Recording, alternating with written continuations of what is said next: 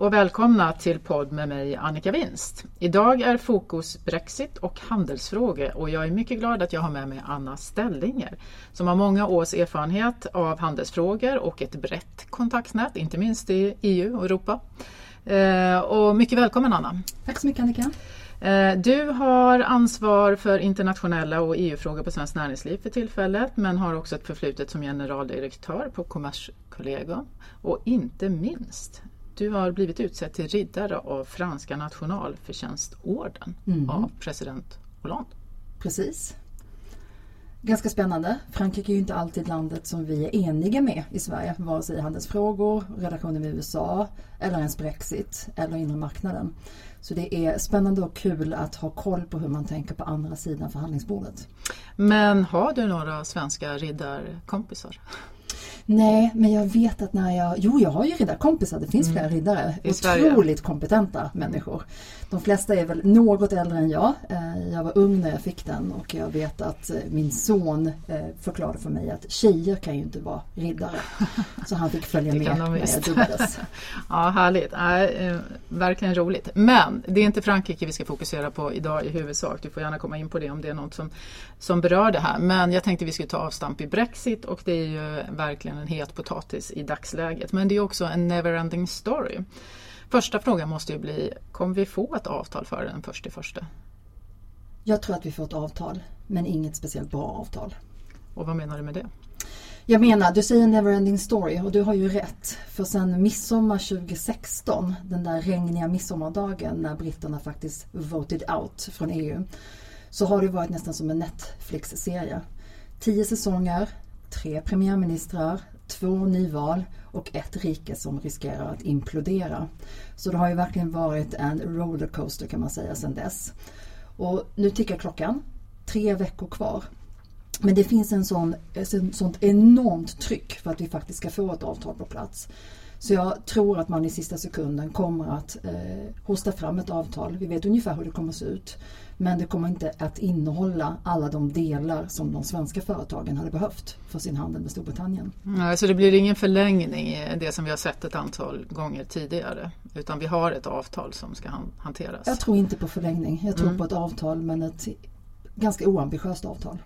Okej, eh, om vi får ett avtal då, vad innehåller det och vad innehåller det inte som svenska företag, Sverige, skulle ja. behöva? Ja, det där är spännande. Eh, förhandlingarna har gått in i den så kallade tunneln nu, eller ubåten. Och det innebär att man har slutit nästan som en, en skyddande hinna runt det lilla förhandlingsteamet. Så att man vet väldigt lite om vad som förhandlas just nu. Men vi vet några saker. Ungefär 95 procent av förhandlingarna är klara. Så brukar det vara när det är frihandelsavtalsförhandlingar. De resterande fem är de svåra. De fem som, som eh, vi kanske snubblar på nu, det är fiske. Det är nästan alltid någon typ av jordbruksprodukt. I det här fallet är det fiske.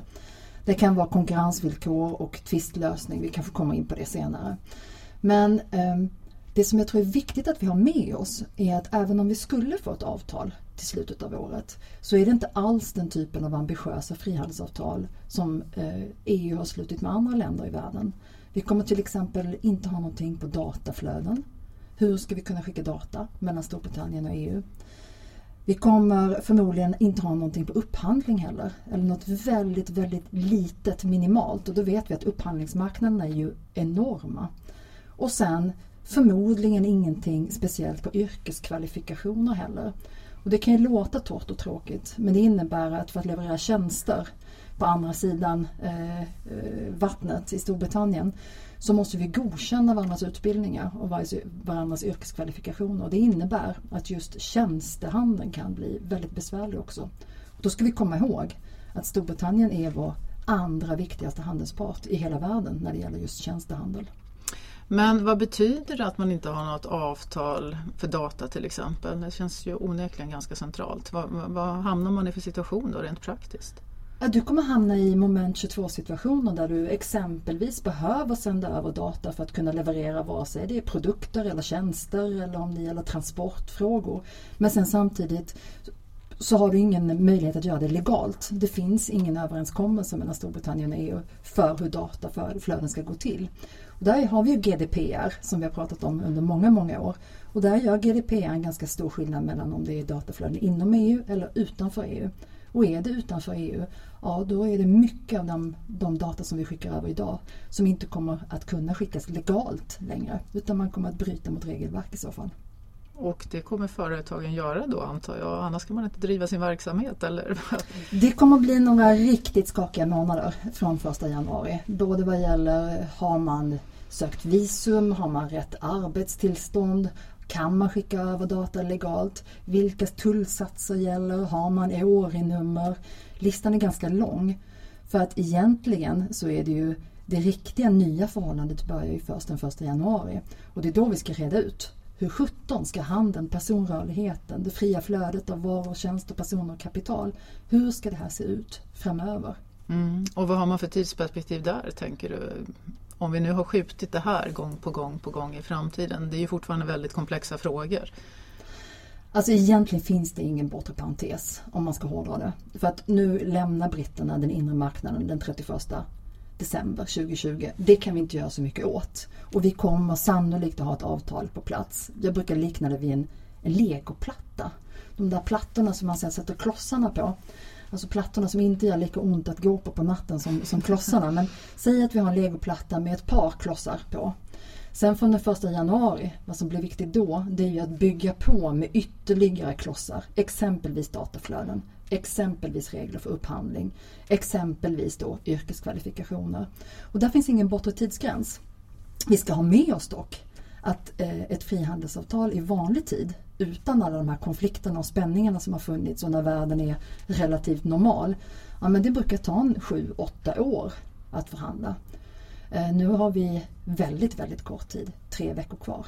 Mm, och jag tänker också att om vi kommer in och har ett avtal men inte allting på plats eh, under nästa år så är det ju ändå så att det är ganska mycket av verksamheten som inte kan fungera om man inte kan skicka data eller köpa tjänster eller så vidare eh, på det traditionella sättet. Det betyder att man kanske står på tårna ytterligare när man faktiskt ser vad som händer eller vad kan man förvänta sig tror du? Ja, jag kan ha viss eh, respekt för den frustration som vi har hört från företagen. Jag har jobbat med brexitfrågan ganska länge. När jag var på Kommerskollegium och var generaldirektör där så fick vi regeringens uppdrag för 5-6 år sedan att utreda de svenska intressena i en brexitförhandling. Vad är det just vi från svenskt håll vill värna extra mycket?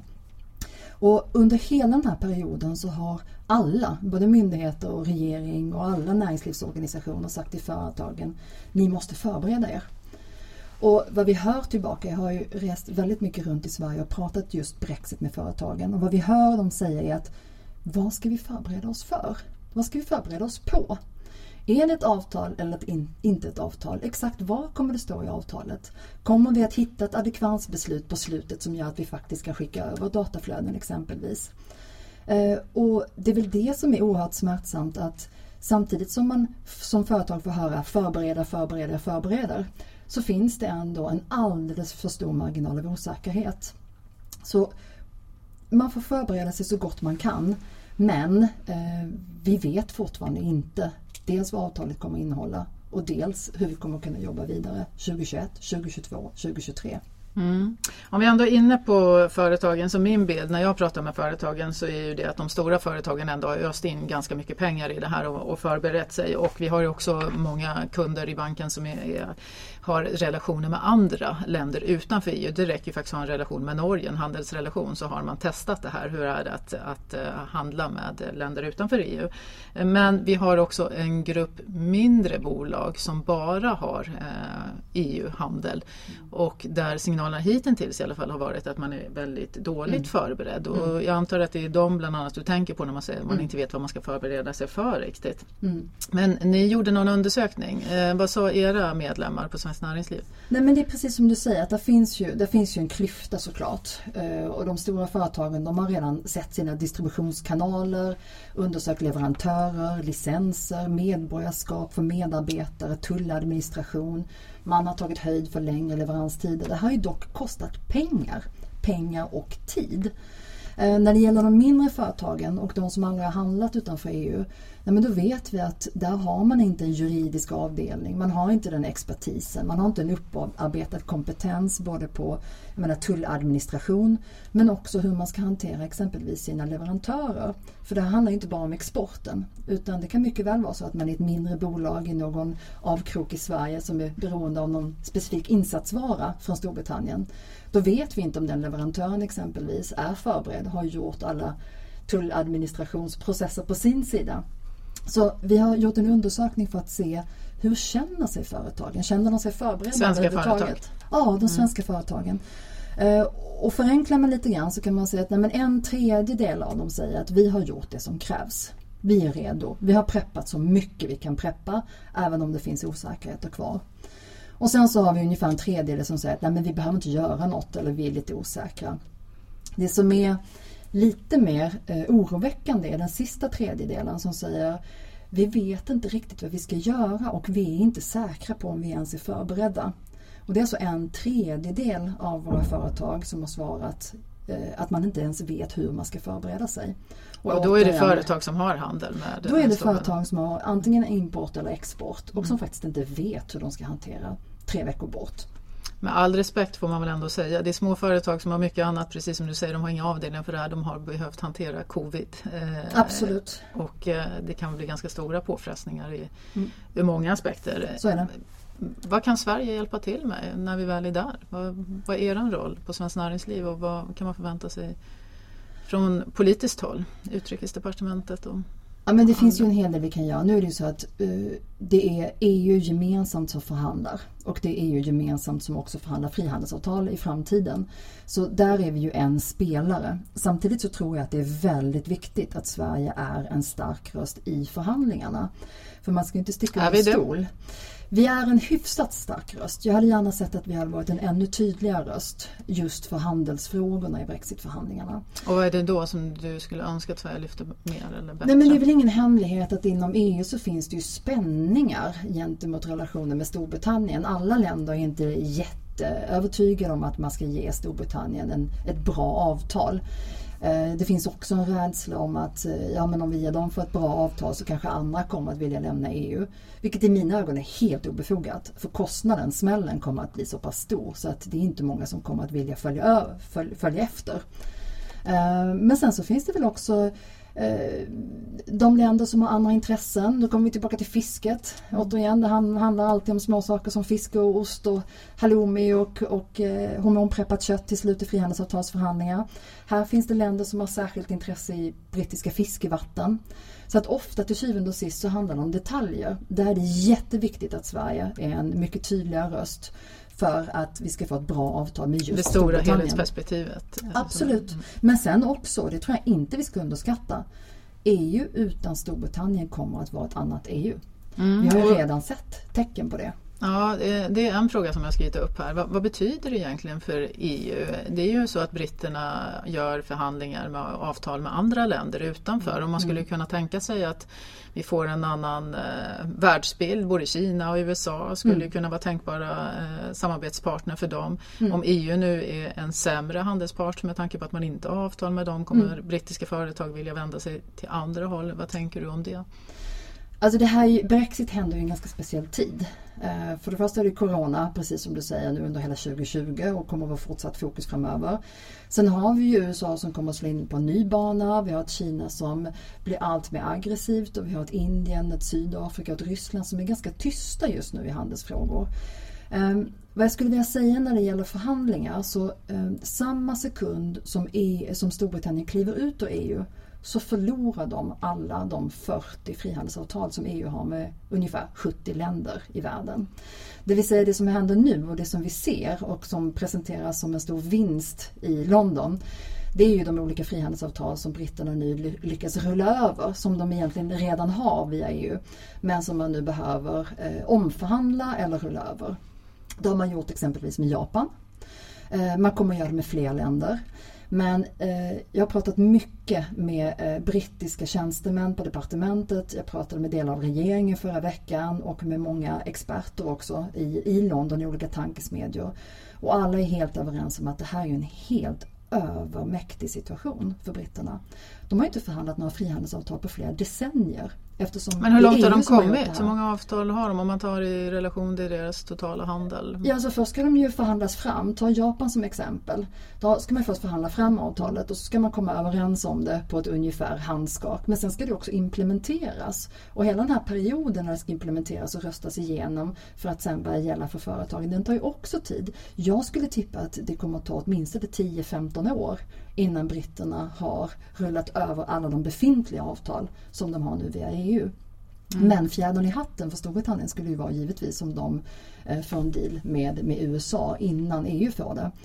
En liten fjäder i hatten, det måste man ge dem, det var att när de rullade över Japanavtalet som ju är potentiellt ganska viktig marknad eh, så lyckades de få in dataflöden, vilket EU aldrig fick eftersom vi har lite mer komplicerad relation när det gäller eh, just dataflöden. Men det kommer att ta en, en enorm kraft och tid och eh, man började med kanske en handfull förhandlingsexperter och så ska man bygga upp ett helt departement som ska sköta de här förhandlingarna framöver. Så eh, till unga som eh, söker jobb, då ska man bli tulladministratör eller frihandelsavtalsförhandlare i Storbritannien. Där kommer att finnas jobb framöver. Gott om att göra. Ja. Ja. Eh, Men det är klart att britterna också har varit en fördel för EU i samarbetet och en brist, avsaknad i många avseenden. Och inte Mm. minst för Sverige. Vi har ju Mm. ändå hållit britterna i handen i många Mm. frågor. Vi tycker hyfsat lika och Storbritannien har varit stora vilket har varit en fördel för oss som en liten Absolut. nation i, i samarbete. Vad betyder det för Sverige att vi tappar britterna i Europa? Eh, Det är en enorm förlust. Man kan inte uttrycka det på något annat sätt. Och du säger att vi har hållit britterna i handen. Ja, det har vi gjort. Men jag skulle vilja säga, kanske lite tillspetsat, att vi har stått bakom britterna och puttat dem, låtit dem liksom leda vägen och så har vi gått bakom dem. Um, det här är ju klart bekymmersamt. Eh, Det vi ser nu inom EU, utan att gå in för mycket på detaljerna, är ju ändå en viss spänning. Där vi börjar prata om europeisk data, europeiska värdekedjor, vi vill ha en reshoring, vi vill bygga upp ett starkare Europa, ett Europa som ska skyddas. Där det finns en, en ganska stark fransk underton. Vi pratade om Frankrike tidigare där man vill eh, kanske värna Europa, sluta Europa mot omvärlden. Kärnan som Macron talar om. Ja, precis. Och det där har ju aldrig varit en, en framgångssaga vare sig för konkurrenskraft eller för framförallt svensk handel. Vi som har så många företag som är duktiga på att dra nytta just av globala marknader. Och det kommer ju bli ganska tungt för Sverige. Eh, det är ju helt uppenbart att redan sedan de lämnade EU, vilket de då gjorde 31 januari i år, de är ju fortfarande bara i den här övergångsperioden. Vi har ju märkt en stor skillnad att de inte är med i arbetsgrupperna inom, eh, inom EU-institutionerna. Och att den här rösten en stärkt inre marknad, stärkt konkurrenskraft, ökad frihandel globalt, lite mindre pengar till jordbrukspolitiken, mer pengar till forskning exempelvis. Den rösten saknar vi idag. Eh, här måste vi inse att Sverige har nästan alltid röstat exakt som britterna, precis som du säger. Eh, enligt statistiken är det över 90 procent av alla fall har vi röstat exakt likadant. Eh, här måste vi komma ut över comfort zone. Det går liksom inte att vänta på att någon annan ska ta lead. Men det är inte så måste- att vi kan hitta någon annan att stå bakom utan vi kommer ha många samarbetspartners. Jag tror att det snarare. hade varit för lätt. Vi tror att vi är överens med tyskarna ganska ofta men vi är inte alltid det. Det är en sån här uppfattning vi har men ofta så, så måste ju tyskarna värna det tysk-franska givetvis och Tyskland har en annan syn i, i vissa frågor än vad vi har från svenskt håll. Jag tror att tiden när vi kan vara bekväma är över. Vi kommer inte kunna hålla ett land i handen utan vi kommer att behöva tänka mycket, mycket mer flexibelt, agilt. Vi kan till exempel, jag menar de baltiska och de nordiska, det vet vi om. Nederländerna, Tjeckien och Irland, de brukar vi tycka ungefär likadant som. Men vi kommer behöva vara mycket smartare än så. Exempelvis Portugal är ett stort frihandelsland som eh, nu går ut ganska hårt för att vi ska få igenom Mercosur-avtalet med delar av Sydamerika exempelvis. Där har vi ett land som vi behöver söka upp. Så att eh, vi måste, ja, vi måste ge oss själva en spark i häcken och ut och söka nya allierade på ett helt annat sätt. Vi kan inte vara bekväma längre och tänka att britterna gör det åt oss. Mm. Utmaningar i Europa, alltså för Sverige. Men eh, du nämnde innan att eh, Storbritannien är en viktig eh, exportnation eller handelsnation för oss vad gäller tjänster. Men om man tittar på total handel med Storbritannien Mm. så har ju den minskat under ganska lång Mm. tid och framförallt eskalerade ju det när man röstade, hade folkomröstningen för Brexit och sen har det faktiskt bara gått ut för. Vad tänker du om det? Hur, eh, Kommer handeln komma tillbaks mm. eller eh, vad, vad, kan man förvänta sig? Storbritannien har ju ändå en hel del som vi är intresserade av. Absolut, Storbritannien kommer ju fortsatt vara en eh, otroligt viktig marknad för många och många företag har ju dessutom valt aktivt att den brittiska marknaden är så pass viktig så att man har flyttat över mer produktion och mer av sin verksamhet in i Storbritannien. Men det är som du säger, vi har räknat ungefär 100 000 jobb i Sverige är beroende av vår handel med Storbritannien. Det är en ganska stor siffra. Det är nummer två när det gäller tjänstehandel, nummer 6-7 när det gäller varuhandel. Alltså både import och export är viktigt i Storbritannien. Eh, och, men det är klart att handeln kommer att påverkas. Är det så att vi inte får något avtal, om vi inte får den här lilla legoplattan till slutet av året, ja men då kommer vi fortsätta att handla med Storbritannien. Det är uteslutet att all handel upphör. Å andra sidan har vi inget avtal överhuvudtaget. Då är det det här famösa WTO-regelverket som gäller. Och då kommer vi att handla på samma sätt med Storbritannien som vi gör med USA, Ryssland, Kina. Alltså samma handelsregelverk som vi har med de länderna. Vilket ju är en, en ocean bort från den enkelhet i handeln som vi har idag. Men det är fortfarande fullt möjligt att handla. Det gör vi ju med exempelvis USA. Ja, jag tänkte precis säga, vi har ju handel med många andra länder och ja. man kommer behöva rätta in sig i ledet. Vi kommer vara intresserade av att ha en handel och en relation med, med Storbritannien eh, framöver också. Men man skulle väl kunna tänka sig att det påverkar olika branscher, företag olika. Har, det gör det. Vad är dina reflektioner där? Ja, men lite förenklat kan man säga att um, vi, har ju, eh, vi har ju branscher och sektorer ehm, där man då dels har ett EU-regelverk som är väldigt viktigt. Det vill säga vi har gemensamma EU, EU-regler som, som, eh, som förenklar eh, oerhört mycket vår handel. Där du vet exakt precis i förväg vad som ska gälla.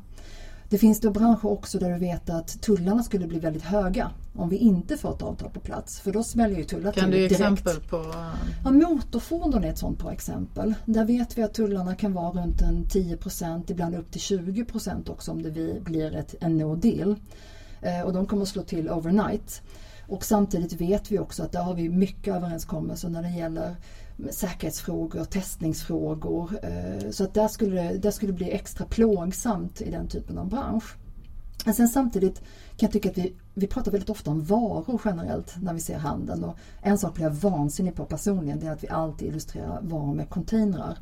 Varor är ju väldigt mycket personrörlighet och väldigt mycket dataflöden som vi har varit inne på. Och där eh, tror jag också att eh, det är en annan bransch. Jag menar hela tjänstesektorn, det som går under affärstjänster, lite suspekt i statistiken. Om vi inte får en förenklad personrörlighet, om vi inte får de här yrkeskvalifikationerna på plats och om vi inte får dataflöden på plats, ja, då kommer hela tjänstehandeln att försämras. Och då är det bara en tidsfråga innan Storbritannien inte är vår andra viktigaste marknad globalt för tjänstehandel. Mm. Där ingår ju min bransch, finansbranschen, ja, där London har varit en viktig del och eh, det har ju funnits oro för finansmarknaden i London. Vi har, eh, jag har kollegor och vänner som mm. Eh, direkt fick förfrågan om man kunde tänka sig att flytta till Bryssel eller Frankfurt mm. eller någonting annat. Men samtidigt till er som lyssnar så vill jag bara påtala att när man tittar på statistiken den senaste så är det så att tjänste Utvecklingen i Storbritannien har ju varit negativ precis som i alla andra länder på grund av mm. covid-restriktioner men däremot finansbranschen har faktiskt utvecklats bättre bättre än mm. övriga tjänster. Mm. Så att, eh, jag tror att vi ska räkna med att britterna finns kvar eh, men betydligt eh, svårare kanske att hantera dem med större utmaningar.